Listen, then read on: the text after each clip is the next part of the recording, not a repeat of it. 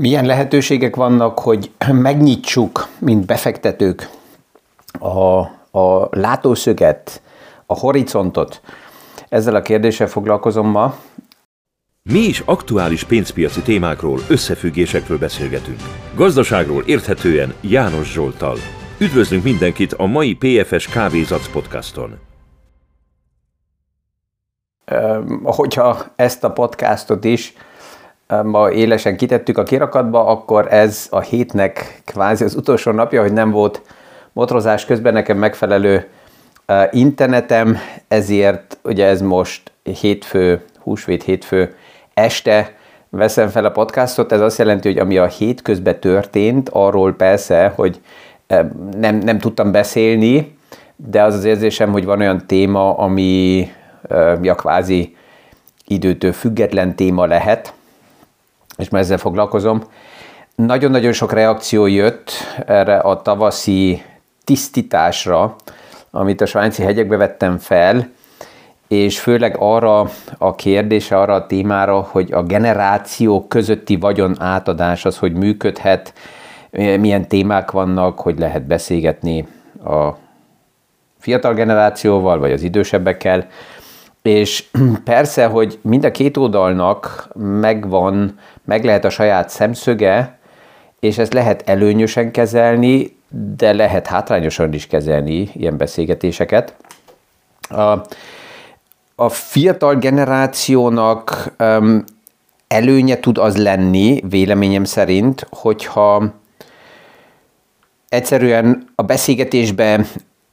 nyitottan mennek bele, és legelőször is nem azt próbálják elmondani, hogy mit terveznek majd az örökölt összeggel, hanem inkább, ami érdekesebb, hogy a fiatal generáció megértse azt,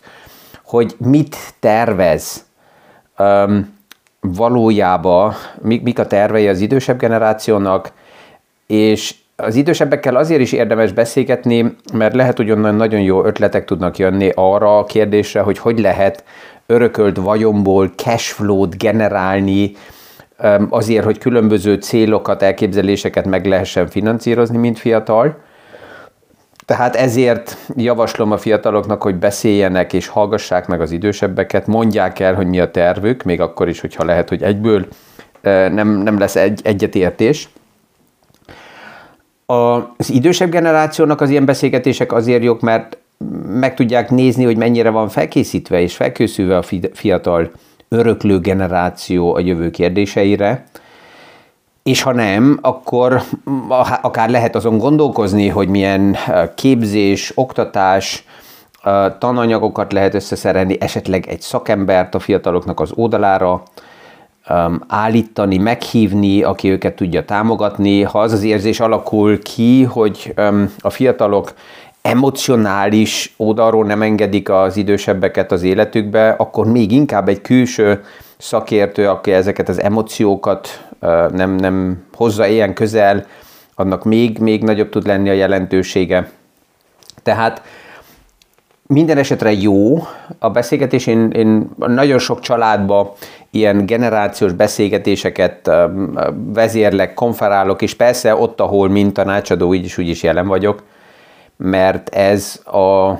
a generációkon túllépő vagyon átadási kérdést nagyon, nagyon jól tudják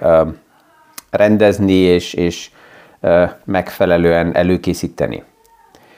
Sokszor jön az a kérdés is, hogy honnan szedem az ötleteket, amiről így beszélgetek, és milyen sorrendben, milyen prioritás szerint döntöm ezt el. Elsőre az ötletek, hát az ötleteknek a nagy része persze, hogy abból jön, ami körülöttem az életbe zajlik, és alapjában nagyon sokat olvasok. Véleményem szerint ez minden befektetőnek ideális uh, tud lenni, és egy fontos lépés az olvasás, az olvasás, az olvasás, és nem csak bizonyos témákat, mert ez is jön, mint válasz, mikor um, fiatalok felteszik a kérdést, hogy akkor mit olvassanak, mit vegyenek kézbe, hogy szakmailag ennyire erősen belemenjenek a témába, és erre a válaszom ugyanaz, amit én 30 évvel ezelőtt mint választ kaptam, hogy kezd valahol el, és minden könyvnek a végén, az utolsó oldalén általában 3, 4, 5 további téma javaslatot találunk, és hogyha csak így egy könyvből indulunk, azután már van hat könyv, és hogyha azt megnézzük, akkor azután már 30 könyv van a kezünkben legalább, tehát nagyon gyorsan tud ez növekedni, és kezdetben szerintem nem főtétlen ideális beszűkíteni a látókört. Egy pár fiatal azt is mondja, jó, de én csak karriert akarok, és pénzt akarok, és sikert akarok, és ebbe az iparágba akarok jó lenni. Minél szélesebb a látókör, annál, annál jobb, véleményem szerint. Tehát a könyvek segítenek, és um, volt egy ilyen, ilyen álmom nekem valamikor a 90-es évek elején, így mm, már, már érett 19 éves, kora 20 éves, volt egy olyan elképzelésem, hogy valamikor szeretnék egy ilyen 360 fokos könyvtárt, ahova bemegyek, és minden négy oldalon egészen fel a plafonig van hely könyveknek, és, és ott nem csak olyan könyvek vannak, amit valahonnan összeszedtem, hanem olyan könyvek, amikbe bele is néztem, amiket én vásároltam meg. Van néha olyan könyv is, amelyiket maximum kinyitom, és a tartalom jegyzékből már jönnek az ötletek, vagy az összefoglalóból jönnek ötletek, vagy két-három oldallal egyszerűen ott nyitom ki, ami éppen kinyílik aktuálisan, és akkor um, beleolvasok, hogy, hogy, um, hogy az a téma mennyire érint, és még egyszer általában egy-két oldal már elég, hogy ebből jöjjenek a, az ötletek a témákhoz, és akkor a könyvet újra beteszem, anélkül, hogy végigolvastam volna. Um, ami nagyon érdekes, az nem csak szakkönyveket olvasni, hanem biográfiákat, mert a biográfiák azok az embereknek, a sikeres embereknek a gondolatát, a mindsetét mutatják be, és ez, ez azért is érdekes, mert, mert általában a sikeres emberek szinte ugyan, ugyanazokat a modelleket építették fel, és ugyanazokkal um, érték el a sikereket. Um, nagyon sok jó ötlet üzletileg nem főtétlen a pénzpiaci iparágból jött, hanem mivel más, egészen más témakörökből olvastam könyveket, onnan jöttek olyan gondolatok, olyan, olyan, olyan témák, amit azután a különböző vállalatokba megvalósítottunk, és a pénzügyi szolgáltatásba beépítettünk, vagy akár a menedzsment fejlesztésbe beépítettünk. Sokan azt is mondják, hogy de nincs idő olvasni, erre mindig van idő. Ez mindig prioritás kérdése csak, tehát amikor valaki azt mondja, hogy erre és arra nincs ideje, akkor sajnos ma azt kell mondjam, hogy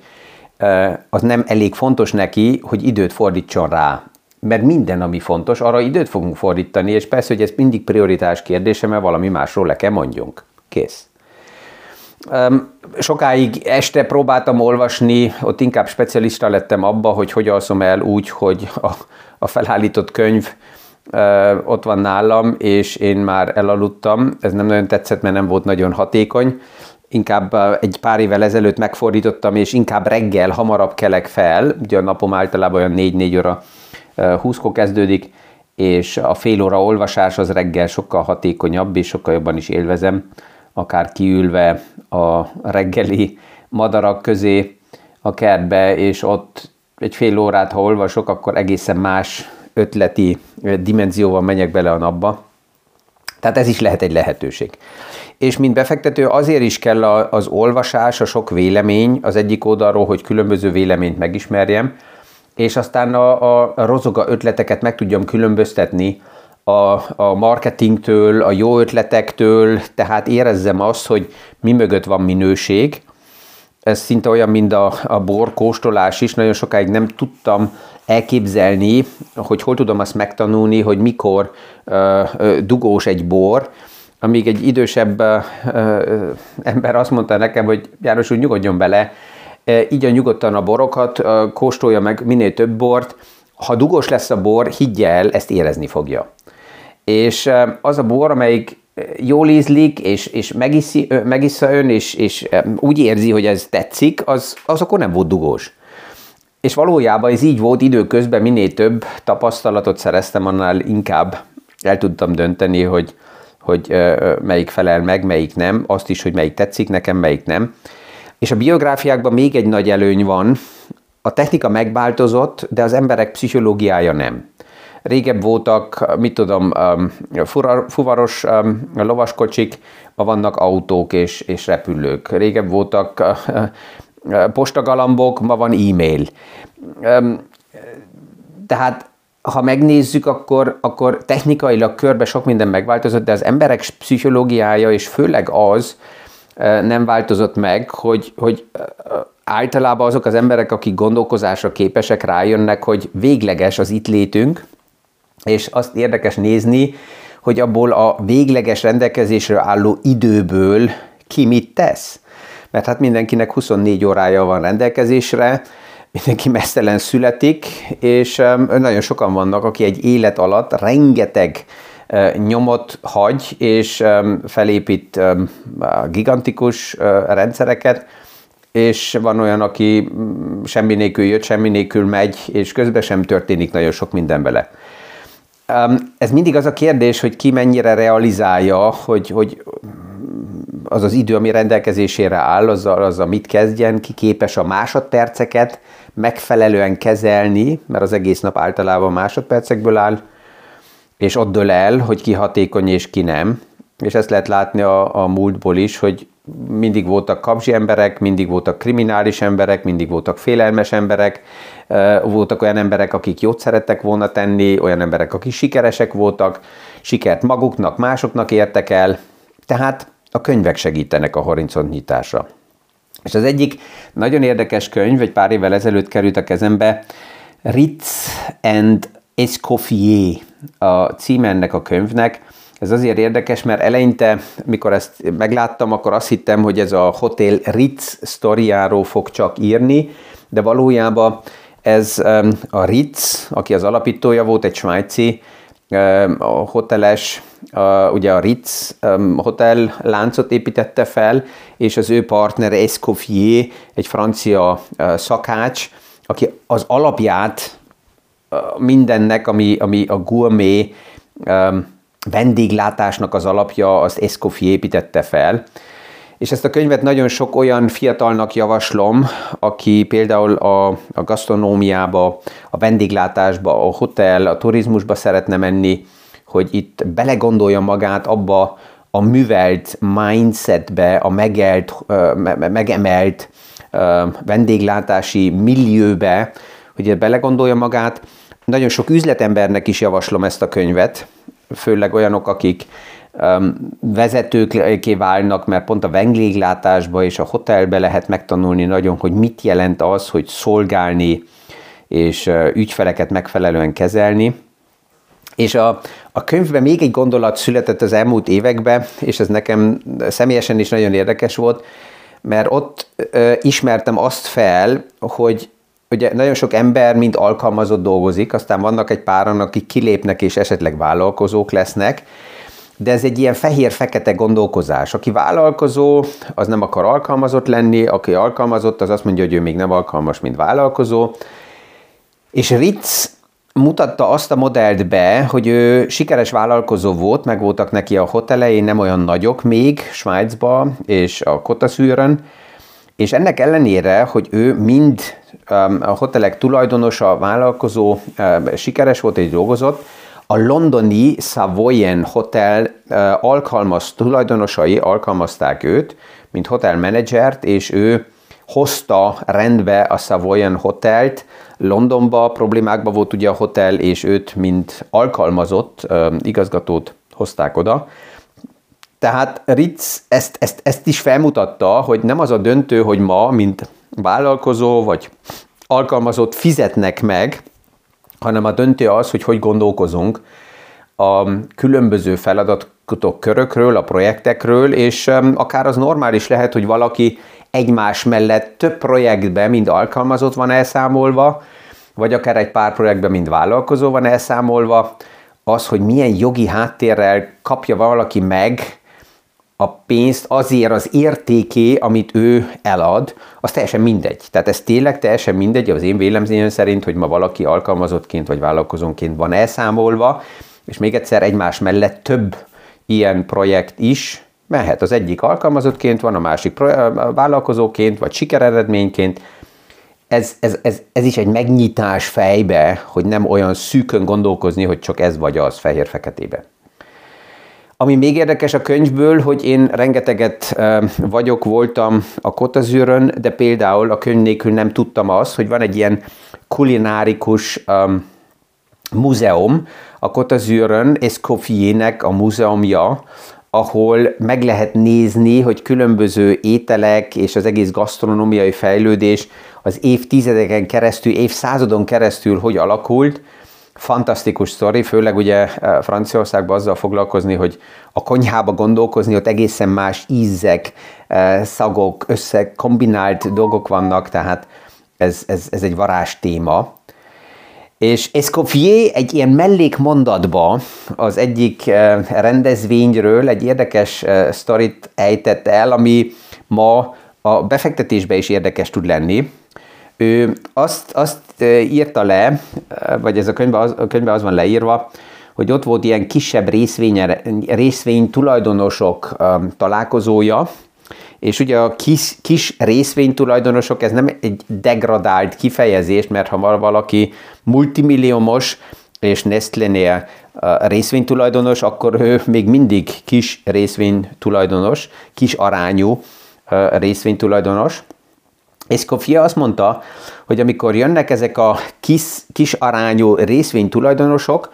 akkor arra kell figyelni, mint vendéglátó, hogy a karaktere ezeknek az embereknek nem kvázi normális, mint más embernél, hanem ezek az emberek álmodozók. Álmodnak a profitról, álmodnak a nyereségről, álmodnak arról, hogy gazdábbak lesznek még, ez körülbelül több mint száz évvel ezelőtti vélemény volt, és ez a mai nap is, is ugyanígy van.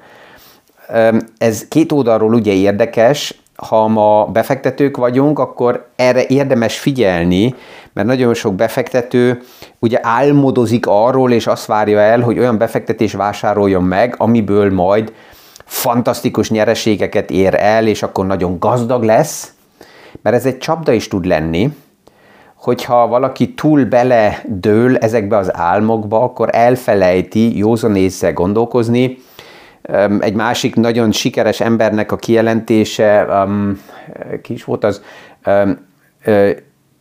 Yui Kong Pao, ő egy hongkongi um, réder, tehát hajókat üzemeltető, nagy tankhajókat üzemeltető üzletember, egy nagy impériumot épített fel, és ő mindig azt mondta, hogy a gondolat a gyors profitra, az álmozoz, álmodozás a gyors profitokról el, um, eltereli a jószan ész lehetőségeit. És erre érdemes figyelni, mint befektető, hogy mennyire sikerül annak, aki eladja nekem azt a sztorit, az álmaimat érinteni és megvenni, tehát az emóciókat próbálni távol tartani magunktól, mint befektető, hogy ebbe a csapdába ne lépjünk be.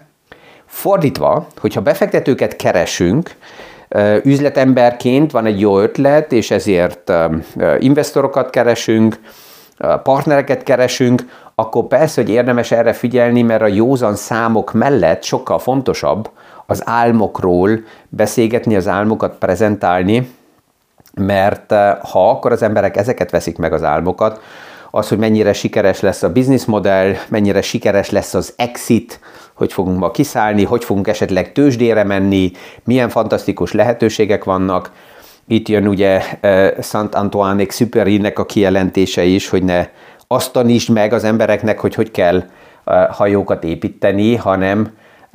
mondd el az álmokat a szabadságról, amikor a nagy tengeren vitorlázni fogunk.